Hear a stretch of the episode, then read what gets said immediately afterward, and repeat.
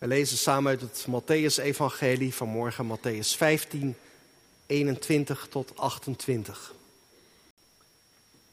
En Jezus ging vandaar weg en vertrok naar het gebied van Tyrus en Sidon. En zie je een Canaanese vrouw die uit dat gebied kwam, riep naar hem, Heere, zoon van David, ontferm u over mij. Mijn dochter is ernstig door een demon bezeten. Maar hij antwoordde haar met geen woord. En zijn discipelen kwamen naar hem toe en vroegen hem: Stuur haar weg, want ze roept ons na. Hij antwoordde en zei: Ik ben alleen maar gezonden naar de verloren schapen van het huis van Israël. Maar zij kwam dichterbij, knielde voor hem neer en zei: Heere, help mij. Hij antwoordde echter en zei: Het is niet behoorlijk het brood van de kinderen te nemen en naar de hondjes te werpen. Zij zei: Ja, heer, maar de hondjes eten ook van de kruimels die er vallen van de tafel van hun bezitter. Toen antwoordde Jezus en zei tegen haar: O vrouw, groot is uw geloof. Het zal gebeuren zoals u wilt. En haar dochter was vanaf dat moment gezond. Tot zover de lezing uit de Bijbel. Dit zijn de woorden van God. Amen. Broeders en zusters, of waar ook met ons verbonden, hier samen in de Sint-Janskerk gemeente van Christus. Ik weet niet of ik wel beleidenis kan doen, want ik heb niet zo'n groot geloof. Het was een paar jaar geleden in een gesprek tijdens de beleideniscategese. En anderen herkenden het. Er is nog zoveel niet op orde in mijn leven. Ik twijfel zo vaak. Ik weet niet of ik wel, er wel klaar voor ben. Ik heb niet zo'n groot geloof. Vanmorgen gaat het over iemand die wel een groot geloof heeft. Dat zegt ze trouwens niet van zichzelf, maar Jezus geeft haar die kwalificatie. Hij heeft dat, viel mij op, niet van veel mensen gezegd. Eigenlijk maar twee keer in het Matthäus-evangelie. Je leest het ook in Matthäus 8, waar Jezus een Romeinse hoofdman ontmoet. En aan het einde van die ontmoeting roept Jezus uit: Ik heb in Israël zo'n groot geloof bij niemand gevonden. En hier dus de tweede keer: Vrouw, groot is uw geloof. Wanneer heb je dat? Hoe ziet gewoon zo'n groot geloof eruit? Hou die vraag even vast. De woorden van Jezus staan in ieder geval in een wat merkwaardige geschiedenis. Ik weet niet hoe u het leest, maar ik vind het eigenlijk een heel ongemakkelijk verhaal. Jezus heeft zojuist een confrontatie achter de rug met de fariseeën en schriftgeleerden. Twistgesprek en dan trekt hij zich terug. Hij wijkt uit naar het gebied van Tyrus en Sidon, staat er. Het huidige Libanon gebied buiten Israël. Ik stel me voor dat Jezus gedacht heeft, ik trek me even terug voor een moment van rust. Er waren voortdurend mensen die aandacht vroegen, die aanspraak op hem maakten. En nou ja, hij neemt even de wijk, maar ook hier wordt hij niet met rust gelaten. Want er is een vrouw uit dat gebied die van zijn komst heeft gehoord en die vrijmoedig naar hem toestapt. Die roept, er staat, ze schreeuwt Jezus toe, Heer, zoon van David, ontferm u over mij. En ze roept niet zomaar, want haar kind is ziek. Een onreine geest heeft haar dochter. De situatie is ernstig en er zijn hier heel wat ouders die ook wel weten, ja, als je kind ziek is, als je kind in gevaar is, daar doe je alles voor. Alles wat nodig is. En dat het niet gepast was om een man aan te spreken, volgens de Joodse opvattingen van die dagen. Het kan er dus niks schelen. Ze schreeuwt haar nood tot Jezus. Heer, zoon van David, ontferm u over mij. Dat zijn woorden die eigenlijk zomaar uit de psalmen weglopen. Een gebed om ontferming. En opvallend, want ze wordt een Canaanese vrouw genoemd. Iemand die dus niet bij het volk van het verbond hoorde. En toch weet zij kennelijk dat ze bij Jezus moet zijn. Drie keer spreekt ze hem aan hier met Curios, Heer. En ze roept niet alleen van een afstand, maar ze komt ook steeds dichterbij. Zo lees je het in vers 25. Hè. Ze komt dichterbij en ze knielt voor Jezus neer. En ze roept opnieuw om hulp. Nou ja, tot zover eigenlijk heel herkenbaar, want dit soort verhalen zijn heel erg bekend uit het evangelie. Alleen het aparte van dit verhaal is dat Jezus haar afwijst. Dat is eigenlijk een heel pijnlijke kant, vind ik, van deze geschiedenis, toch? Denk je in dat een uh, huisarts in onze tijd een selectie zou maken tussen de mensen in zijn wachtkamer op grond van hun huidskleur of hun geloof? Zo'n arts die zou worden aangeklaagd en terecht, zeggen we dan, want dat is discriminatie. Is dat ook wat Jezus hier doet? Daar lijkt het in ieder geval wel op. Iedereen helpt die, die aanspraak op hem doet, en deze vrouw niet. Hij geeft er ook een reden bij, vers 24. Ik ben alleen maar gezonden naar de verloren schapen van het huis van Israël. Dat klinkt als eigen volk eerst.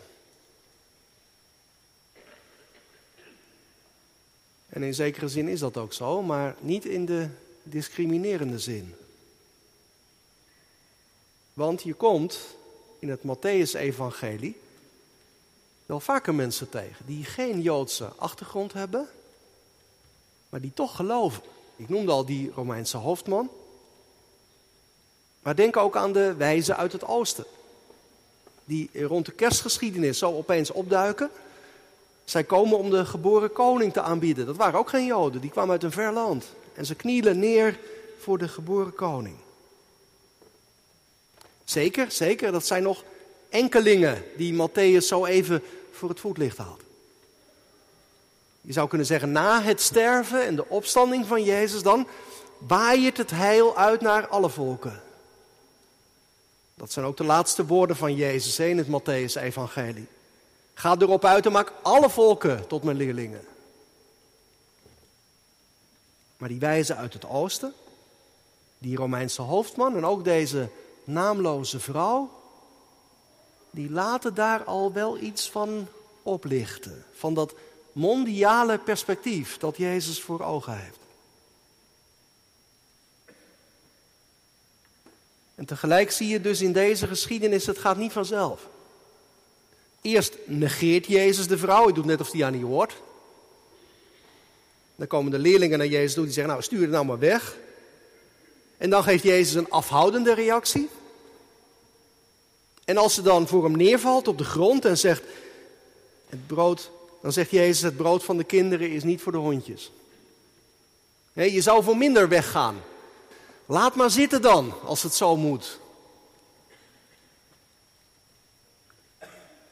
Maar het bijzondere van dit verhaal is dat deze vrouw zich niet laat wegsturen. Integendeel. Het lijkt wel of ze door de geschiedenis heen alleen maar vasthoudender wordt. Iemand schreef daarover, deze vrouw buigt zich zo diep onder het woord van Christus, dat ze onder het hek doorkruipt dat God om Israël heen heeft gezet. En hoe doet ze dat precies?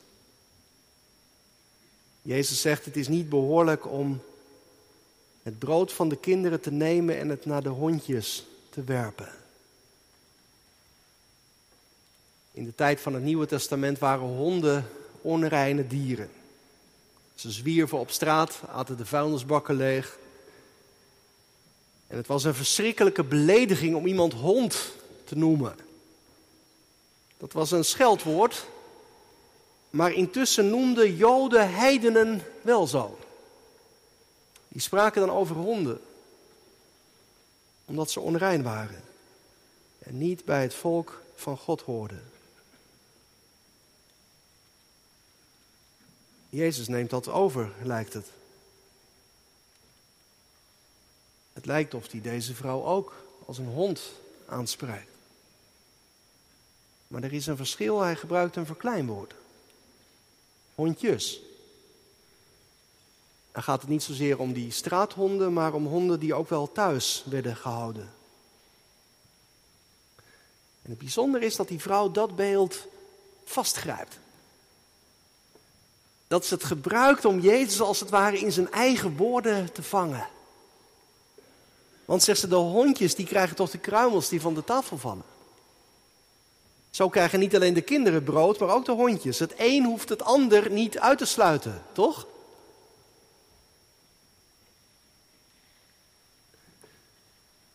Mooi is dat, vind ik. Aan de ene kant kent deze vrouw haar plaats. Ze erkent dat het waar is wat Jezus van haar zegt. Ze is iemand die er buiten staat. Ze hoort niet bij het volk van God. En daarin staan wij trouwens, gemeente, heel dicht bij haar. Ook wij zijn mensen van buiten. Wij horen niet bij het Joodse volk. En ik denk dat je ook allemaal herkent dat er heel veel belemmeringen in je leven kunnen zijn. Om bij God te horen, toch? Misschien voel je die belemmeringen vanmorgen wel extra als wij het heilige avondmaal vieren. Wie ben ik om aan te gaan wat breng ik ervan terecht van het leven met God? Veel dingen die in de weg kunnen zitten om aan de roep van Jezus gehoor te geven. Maar de vraag is wat je met die belemmeringen doet. Iemand zei, er zijn twee manieren om Jezus als redder af te wijzen. De eerste manier is dat je te trots bent. Je hebt hem niet nodig, want zonder hem red je het ook prima. Dan denk je te hoog van jezelf. En je kunt ook te laag over jezelf denken. Ik ben te slecht. Met mij kan Jezus niks beginnen. Ik ben te zondig. Ik heb te weinig geloof. Ik vul het maar in. Kijk naar deze vrouw. Ze kent niet alleen haar plaats. Ze heeft ook oog voor het evangelie. En ze blijft net zo lang volhouden tot Jezus haar helpt. Ze lijkt daarin op Jacob. Hè? Jacob die in de nacht aan het strijden was met God en die volhield tot het eind. Zo is deze vrouw. Ze houdt vol tot het einde en nou ja, met een heerlijke uitkomst. Hè? Jezus zegt, vrouw, groot is uw geloof. Je dochter is genezen. Jezus doet grote dingen in haar leven. Een groot geloof. Wat is dat nu volgens dit verhaal? Nou, laat ik het zo zeggen. Een groot geloof denkt groot van Jezus. Een groot geloof denkt groot van Jezus. En deze vrouw is daarin vanmorgen voor ons allemaal een spiegel. Ze stelt ons de vraag hoe wij ons verhouden tot Jezus. Wie is Hij voor jou? Wat zeg je nu hij je vanmorgen nodigt aan zijn tafel? Denk niet, met mij kan Jezus toch niets beginnen. Zeg niet, mijn zonde is te groot, mijn geloof te klein, ik twijfel te veel. Maar doe als deze vrouw. Zoek het bij Jezus in je zwakheden en je tekort. Denk groot van Jezus. Als wij avondmaal vieren gemeente, dan oefenen wij ons daarin. Wij oefenen ons om alles van Hem te verwachten. Je kunt om zo te zeggen alleen maar komen met lege handen. Niet met allemaal dingen die je bij je hebt waarmee je iets voor Hem zou worden. Je kunt alleen maar komen met lege handen. Wij oefenen ons in de viering van het avondmaal. Om alles van Christus te verwachten. En wij doen dat met goede grond. Want Hij wacht op ons en Hij zegt: Kom, want alles is gereed. Ik deel brood en wijn, zomaar, uit genade. Ik las deze woorden deze week de woorden van een gebed van de Britse Thomas Cranmer. Er komt in dat gebed een verwijzing voor naar de geschiedenis die wij vanmorgen lazen. Het gebed heeft een plaats gekregen in de Anglikaanse avondmaalsliturgie. En de eeuwen door is het op die manier door miljoenen en miljoenen mensen gebeden, voorafgaande aan de avondmaalsviering. Het gaat zo. Wij komen niet tot uw tafel, genadige Heer, op grond van onze eigen gerechtigheid. Maar wij komen tot uw tafel dankzij uw veelkleurige en grote genade. Wij zijn het zelfs niet waard om de kruimels onder uw tafel te verzamelen. Maar u bent dezelfde Heer. Bij u is altijd genade te vinden. Bij u is altijd genade te vinden. En daarom mogen wij vrijmoedig naderen tot Jezus. Ook al hebben wij dat niet verdiend. Naderen tot Hem met rechteloze vasthoudendheid. Laten wij dat doen. Want de Meester is hier en Hij roept je. Amen.